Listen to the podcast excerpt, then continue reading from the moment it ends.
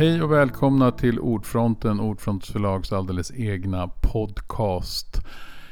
Idag ska vi träffa Sara Mofasser Johansson. Du har skrivit en roman som heter Väntar du på mig? Hej, välkommen! Tack så mycket! hur, hur är läget med dig? Är det bra? Ja, då, det är jättebra. Mm. Är det. Mm.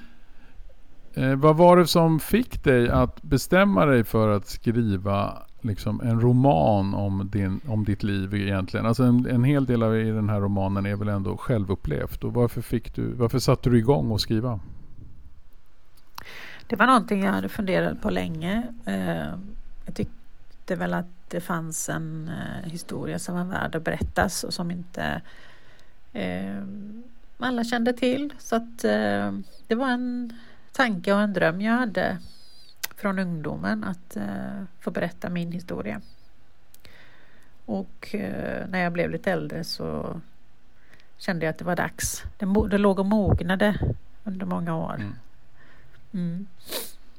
Är det någonting du hållit på med också vid sidan av livet i övrigt? Alltså sitta och småskriva lite eller liksom skriva för byrålådan. Är det någonting du har hållit på med liksom, under livets gång? Eller var det så att du har gått och samlat på det här och sen tänkte du nu är det dags? Eh, oj. Ja, oj. nej, jag, eh, jag tappade min hörsnäcka här. Alltså jag har alltid varit intresserad av, av att läsa och skriva och eh, språk. Jag tycker det är väldigt kul. Eh, men jag har inte egentligen skrivit någonting eh, utöver detta då. Eh, jag har skrivit dagböcker, jag har liksom ja, men, där, man, där man får chansen att skriva men, men ingenting som det här. Nej. Mm. Men när man då sätter sig ner och skriver, när man då inte har gjort det kanske innan, var, är, var, är, var det bara att du tänkte att det här kan nog bli en roman? Eller hur, hur börjar ett sådant projekt Alltså väldigt många andra människor som skriver kanske har drömmen men de har hållit på där, eller de går och skriva kurser och du vet, de håller på. Men i ditt fall, då, det känns ju också som att du att boken kändes ju relativt självklar redan när den kom till oss. Uh, ja. hur, hur, hur tänkte du när du satte dig ner? Var det så att du trodde att det här, det här skulle kunna bära hela vägen? Eller hur, hur tänker man inför ett skrivprojekt av den här formen eller den här arten?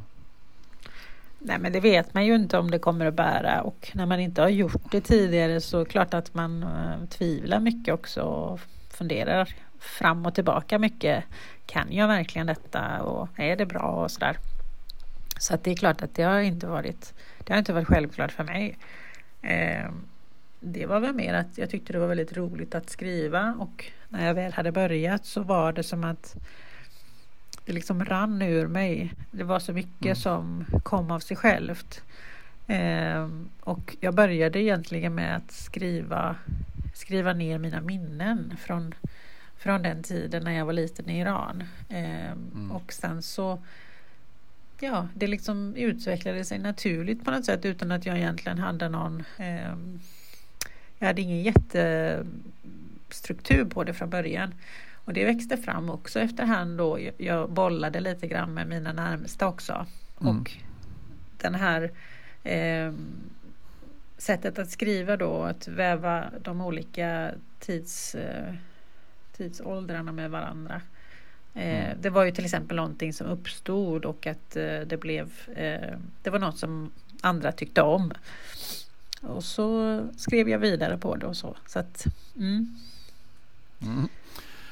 Tycker du, eftersom det är väldigt nära dig själv, har det någon gång känts liksom, är, hur, hur har du ställt dig inför det? Liksom, vad är det man väljer? Vad är det man väljer bort? Hur, hur, ja, hur mycket är det, skulle du säga, roman och hur mycket är det ditt eget liv? Och hur väljer man däremellan? Det är ju ett intressant dilemma tycker jag. Hur, hur man anpassar mm. storyn mm. till att bli också en roman på något sätt. Ja, eh men det är väldigt mycket mitt liv som jag skriver om. Eh, mm. Nästan allting eh, som mm. av det jag skriver har hänt och som jag har själv upplevt. Eh, och jag bestämde mig ganska tidigt för att vara väldigt ärlig och skriva sanningen. mm. det var lite min det var lite syftet till att jag skrev var just att skriva så som det hade varit och inte ändra för mycket. Eh, och det tyckte jag var terapeutiskt att, att göra på det sättet. Och jag vet att eh, när vi kom in i, i redigeringsfasen och vi ibland, ja men förlaget också då tyckte att eh, vi diskuterar att lägga till eller ta bort och sådär. Det kan man ju göra, det är ju ändå en roman. Men någonstans så var det att det var så ovant för mig att göra det i och med att jag hela tiden hade skrivit om mig. Eh, mm. så, så var det lite ovant, men det, men det gjorde vi också, lite småsaker sådär. Men, eh, men det mesta har ju varit eh, från verkligheten. Mm. Mm. Men vad tycker du har då varit svårast att skriva om? Är det liksom tiden i Iran och det som händer där? Eller blir det mer ett slags, eh, vad ska man säga, ett slags minne som man kan vila sig i och att det är jobbigare att skriva om det som händer i Sverige och, och att det är svårare att försöka beskriva den här tillvaron och att inte liksom passa in eller inte höra hemma eller känna att man saknar något. Har det varit svårare att skriva om? Eh, ja, tonårstiden tycker jag har varit svårast att skriva om mm. just för att det har varit smärtsamt. Eh, mm. Att gå tillbaka till den smärtan och den, ja, de känslorna som man hade på den tiden. Mm. Eh, det är ju någonting som man in, helst inte vill besöka igen men ja, det har jag ju varit tvungen att göra då. Eh, tiden i Iran har ju varit väldigt fin att skriva om för att jag har ju eh, jag har ju så fina minnen från Iran och eh, att ja, men det är mycket mer lycka från den tiden. Så att där, det var inte lika svårt om man säger utan det var mer eh, glädje i att skriva. Mm. För det känns ju också ganska fint tycker jag nu när man ser vad som händer i Iran nu och alltså den revolution eller ja, hela det ja, som är på gång. Mm. Och det förtryck som också har varit och är fortfarande. Så känns det ju så fint ändå att dina minnen av Iran ändå i den här boken känns ganska ja, fina ändå på något sätt. Jag ja. ja. Jo men det håller jag med om. Eh, mm. För att det är ett fint land med mycket historia och eh, ja, det finns ju så mycket tillgångar. Eh, så att det är väldigt synd att det vi ser mycket utav Iran är ju det här som, som är idag då, regimen och förtrycket. Mm. Mm. Hur viktigt är det för dig att det här ska liksom komma ut och nå ut? Vad finns det för, om man tänker att du har skrivit den här boken, hade du några större syften än att du ville liksom på något sätt lära känna dig själv och lära känna den tiden och försöka förklara för dig själv och för andra vad det här vad det har inneburit med, med er flykt och att komma till Sverige. Fanns det några andra större skäl? Alltså, de är väl också stora men förstår vad jag menar? Fanns det också mm. en idé om att beskriva Iran och beskriva något annat mm. också? Eller Nej, från början man på sånt när man skriver? Nej. Nej, från början hade jag inte så mycket sådana tankar. Eh, det var mest för mig själv och för de runt omkring mig. Mm. Eh, men det vore ju jättefint om, om det kunde bidra till annat också. Och bilden av Iran och så till exempel. Eh, men det har ju varit en av anledningarna att, att jag skrev har ju varit det här att förklara för någon som inte har varit med om sådana saker eh, vad det innebär att till exempel komma till ett nytt land och fly från krig. Eh, vad, vad det innebär att försöka ta sig in i ett nytt samhälle och även det här med eh, vad det innebär att leva med en psykiskt sjuk förälder. Det är mm. inte lätt att förklara med några ord. Eh, jag har oftast fått eh, fått frågan sådär, ah, men, ja, att, när jag har berättat att jag har haft en dålig relation till min pappa så har jag fått ofta att ja, men har, blev ni slagna eller misshandlade på något sätt? Nej, men det har vi ju inte blivit. Och sen är det väldigt svårt att förstå utöver det att, ja men vad gjorde han då? Eh, och, och jag känner att nu kan jag få förståelse från andra att eh, ja, vad det var som hände och hur det kändes och sådär. Mm.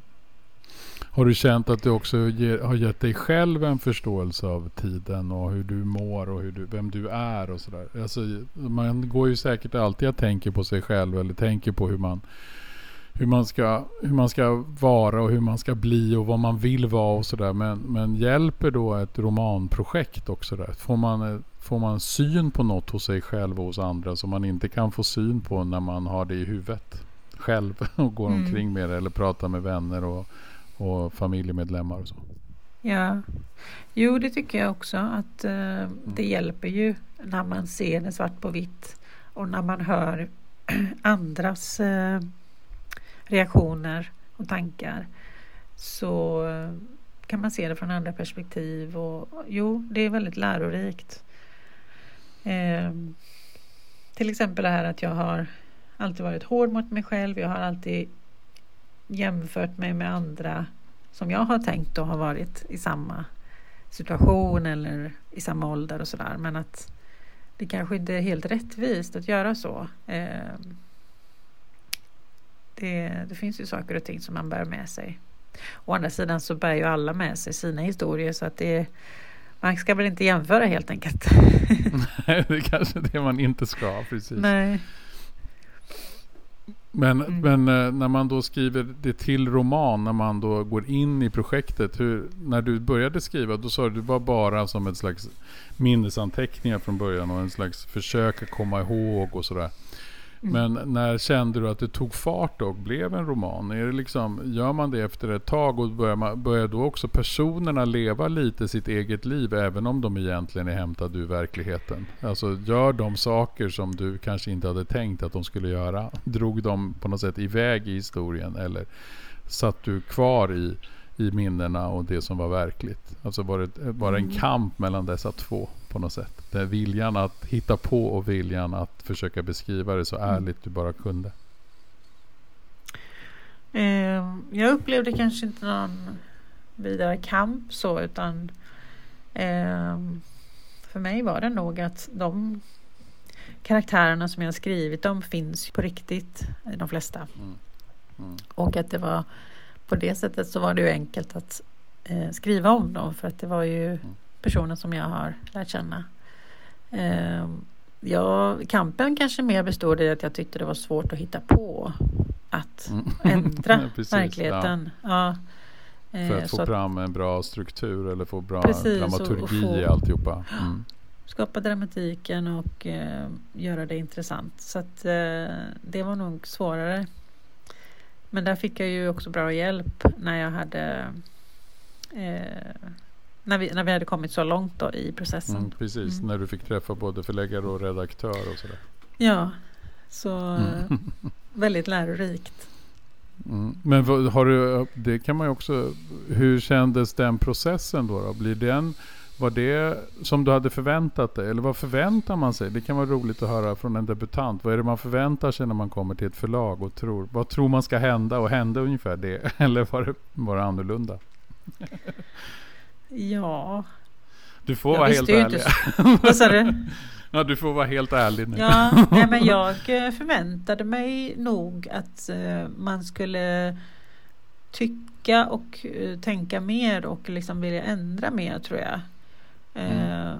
Jag tycker det har varit så fint för att eh, de har verkligen inte pushat för några stora ändringar eller så utan manuset är i stort sett det som var från början men det är klart att det har blivit mycket bättre med, med ändringarna men det har varit mindre ändringar tror jag än vad jag hade tänkt mig, trott.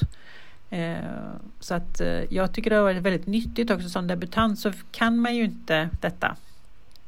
Så att Nej, jag har ju varit så tacksam för all hjälp och eh, just det här att ha någon att bolla med som, som kan den här eh, den här biten med att skriva böcker och ge ut böcker och så, det, det är ju mm. något som jag inte kan. Så att jag har varit väldigt tacksam för det och, och, och, lite förvånad över att man inte ville ändra så mycket egentligen utan det är min historia och det, på sätt och vis så är det ju väldigt skönt och väldigt trevligt att eh, det blir en bekräftelse också på det jag skrivit. Mm.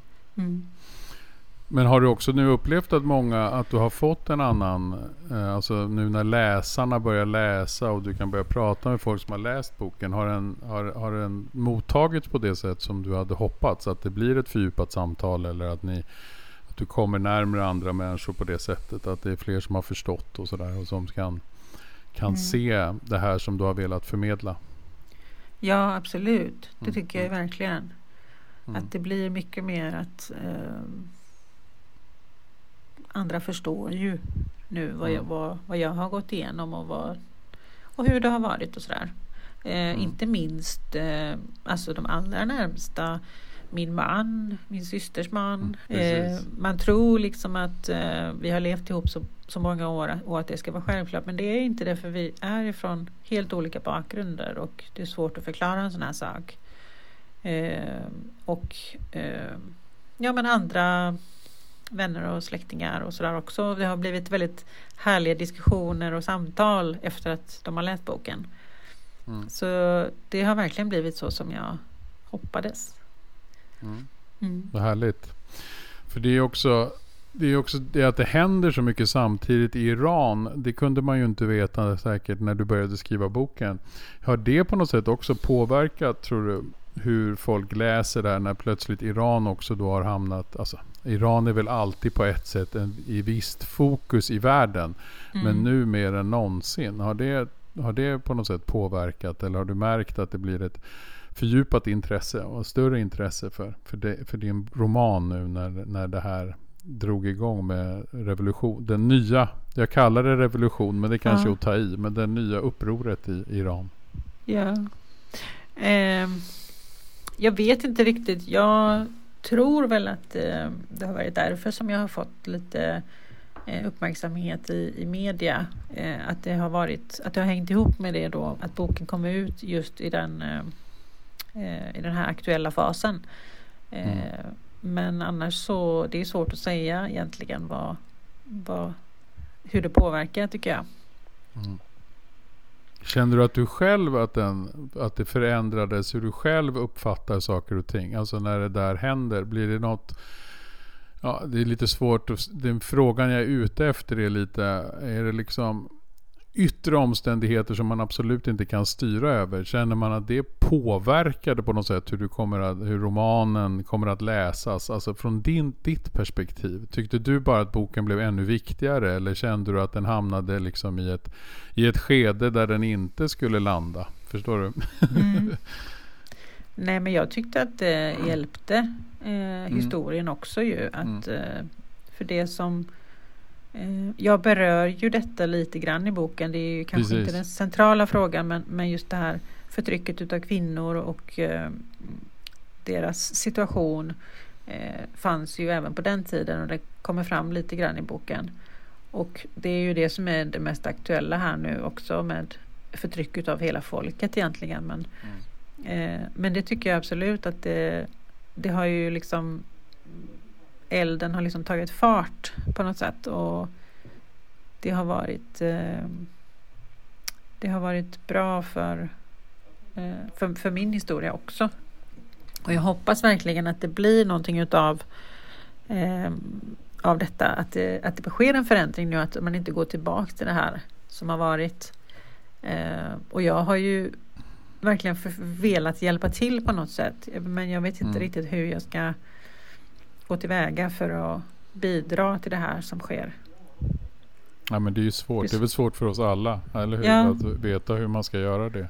Mm. Man vill ju att det ska, att man, att, att den här revolten ska vinna och att det ska hända stora saker. Samtidigt läser man ju i tidningen just nu att Saudiarabien och Iran har blivit kompisar igen och sånt. Och det känns ju också lite, kanske inte alltid så, så strålande Nej. för Nej. utvecklingen. Liksom. Så, men man hoppas ju ändå att, att, att folket alltid, ja, det brukar ju också bli så. Man kan ja. inte förtrycka ett folk i evighet. Det fungerar ju inte. Folk vägrar, accepterar ju inte att leva under förtryck. Det, det går ju inte i längden. Det går ju i korta perioder men inte, inte för evigt. Nej. men, det, men det är också det jag tycker är så spännande med boken. För det gör ju också att både att man får någon slags inifrån blick på Iran som inte man själv kan förstå. Eller som man har svårt att förstå. Man kommer nära Iran i boken. Men man kommer ju också, får ju också en blick på Sverige som man själv inte kan ha. Eftersom du, du, när du och din syster kommer hit så ser ju ni Sverige utifrån ett perspektiv som man, som man själv inte har haft. på något sätt. Så det blir ja. som att man upptäcker Sverige på nytt. var det en poäng eller är det bara så att du, du vet att så här, det här var bara mitt sätt att beskriva Sverige och allt som mm. hände på 80-talet? Ja, men intressant. Vad, har du något exempel där eller vad, vad är det du tänker på då? Nej men det är ju som att mycket av det som ni beskriver när ni kastar er ut i era tonårsliv och upptäcker liksom på något sätt Sverige. Så för mig så, är ju, så har man ju liksom fostrats in i det. Det finns ju inget, även om det, jag också gick igenom en tonårstid så, och det var mycket nytt kanske när man blir tonåring som händer i en. Men det som fanns runt mig var ju liksom min trygghet. Förstår du? Alltså, ett samhälle som jag kände väl, det blir ju mm. bara helt naturligt att ta sig an det. Men i mm. ert fall så är det ju massa saker som ni upplever, bara, ja, bara de saker som finns där, att det är ett helt annat samhälle, en hel, alltså annat, ett annat sätt att förhålla sig till varandra, till man och kvinna kanske och till liksom, mm. till eh, samhället som det ser ut med, med liksom, ja, Sverige är ju ett helt annat land helt enkelt än Iran. Mm. Eller hur? Alltså det, ja. det är ju så mycket som skiljer och som är en helt annan ordning. Eller hur skolsystem ser ut. Eller hur man, hur man, hur man tar hand om varandra. Eller hur man, demokratin, att man går och röstar. Det finns ju massa saker som är ja. annorlunda. Och det ja. ser man ju inte när man själv är uppvuxen, tänker jag. Nej, precis. Och min bild är att när man är liten, vi var ju ändå ganska små när vi kom, mm. Mm. så anpassar man sig och eh, ja, man anpassar sig väldigt lätt till det nya. Mm. Eh, man, man gör det också med lätthet och, och, och, glädje och det gjorde vi också när vi var små. Eh, till exempel. Man kanske till och med gillar det nya. ja exakt, men det gjorde mm. vi ju och det tror jag många mm. barn gör. Det är roligt. Det är väldigt kul. Eh, jag vet inte om du kommer ihåg det men jag skriver ju om att min syster eh, klipptes ju kort innan hon kom till Sverige.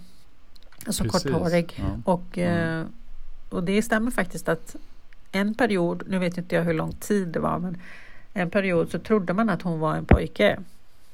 Okay, och det, förstod hon att de trodde att hon var en pojke så i skolan och så så placerades hon med pojkarna. Mm. Och det var någonting som istället för att liksom eh, bråka för hon kunde inte riktigt tala om det där. Hon hade inte lärt sig tillräckligt bra svenska under just den här första tiden. Istället så, ja, nej men det var bara så. Det var bara en förändring i allt det andra. Att hon var mm. med pojkarna då. Tills Sen så lärde hon sig såklart språket och så. Men, men det var ingenting som liksom kändes jobbigt eller så utan det var bara något hon accepterade. Mm. Och det är lite så barn fungerar tror jag, eller vi var så i alla fall. Mm. Att vi liksom, ja det var kul och ja, med glädje och, och sådär och så lärde vi oss. Det som var det svåra var ju att vuxna hanterar ju inte förändringar på samma sätt tyvärr. Och, Precis. Precis. Och att det då kan inte alla, men det kan ju vara väldigt jobbigt och traumatiskt för, för vissa personer. Då. Och, eh, som min pappa till exempel. Och att, mm. att vi då såg hans eh, mående och att han verkligen eh, kämpade med det här nya som han hade tvingats till. Och det då satte sig i oss. Eh, och kändes jobbigt på det sättet. Och då, och då kunde man ju se också skillnaderna och då förstod man ju att okej, okay, i Sverige är det så här, så är det inte i Iran. Eh, att till exempel pojkar och flickor umgås på ett annat sätt. Och, eh, ja, men det finns ju mycket som är skillnad och det fick man ju lära sig då att det finns skillnader och att det, vissa saker inte var okej okay och sådär.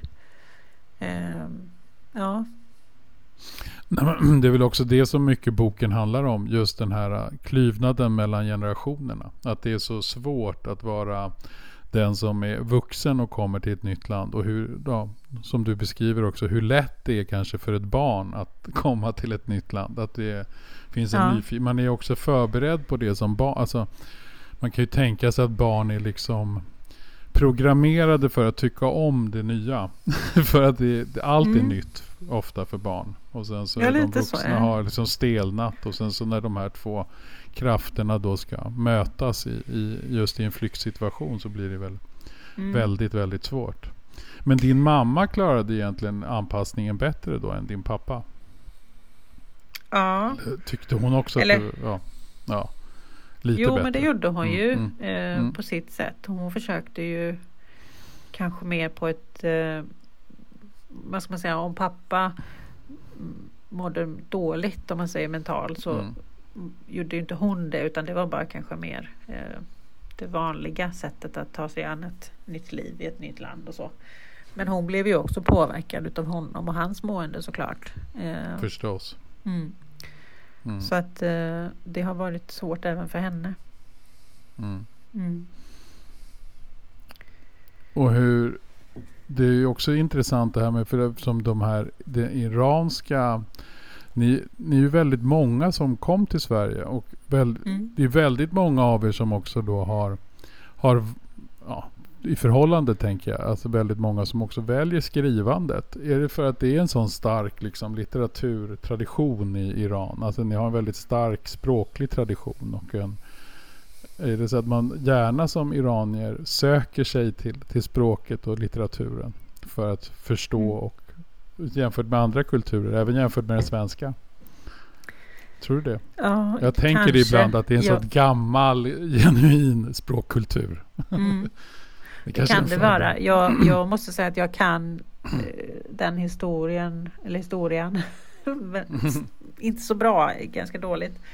Eh, eftersom att jag inte heller har intresserat mig så mycket för eh, för Iran tidigare. Så att, eh, men det kan absolut vara så det tror jag. Det, det finns ju en... Eh, det har ju funnits många poeter och, och sådär också mm. från Iran. Mm. Eh, men annars så... kan du läsa på, på, på, på persiska och så? Nej, jag har glömt väldigt mycket. Eh, mm. Det var en kvinna som skrev till mig på Instagram faktiskt på, med, på persiska då. Mm. Och det kunde jag läsa. Men mm. eh, jag skulle nog inte kunna läsa en bok eller sådär. Nej. Nej. Det är ju synd egentligen eh, kanske att du inte har kunnat det. Men det finns ju en rik annan litteratur att läsa också. Men...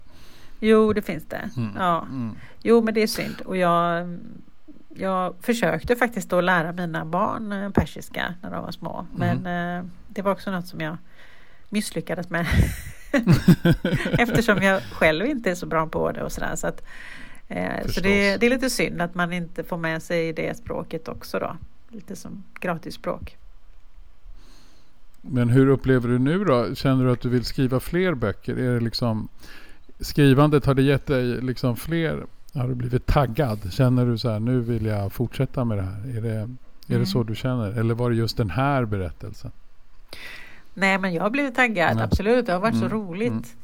Mm. mm. Och också få det här ja, men bekräftelse på att jo, men jag kan skriva. Det var ju en av de här stora frågetecknen.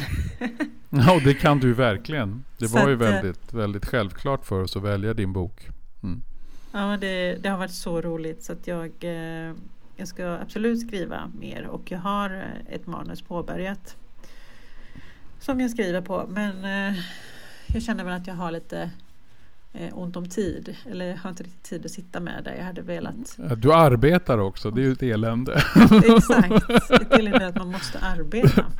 Ja, eh, precis. precis. Så att, eh, kanske i sommar om jag kan få eh, lite tid att sitta med mitt manus. Mm. Mm. Det låter ju väldigt bra. Vi vill ju gärna ge ut fler böcker av dig Sara. Det har ju varit, här var ju väldigt roligt och väldigt spännande ja. att läsa. Och vi har ju man lär sig väldigt mycket. Och jag tycker också att man har just får den här förståelsen för den här dubbelheten inom familjer och dubbelheten mellan två kulturer och sådär. Som, ja. som är beskriven väldigt nära i boken. Ja, vad kul, tack. Mm. Mm. Ja, tack Sara. Kul att vi fick äntligen göra den här podden. Även om yeah. vi har fått göra den på distans den här gången också. Som vi hade yeah. tänkt förra gången också. Men nu har vi ändå fått göra den. Det, Tack så hemskt mycket Sara för att du kom ja, till Ordfronten och talade trevligt. om boken. Ja, mm. tack. Och det var allting för Ordfronten för den här gången och vi tackar alla som har lyssnat och vi återkommer med nya Ordfronten så småningom. Tack och hej!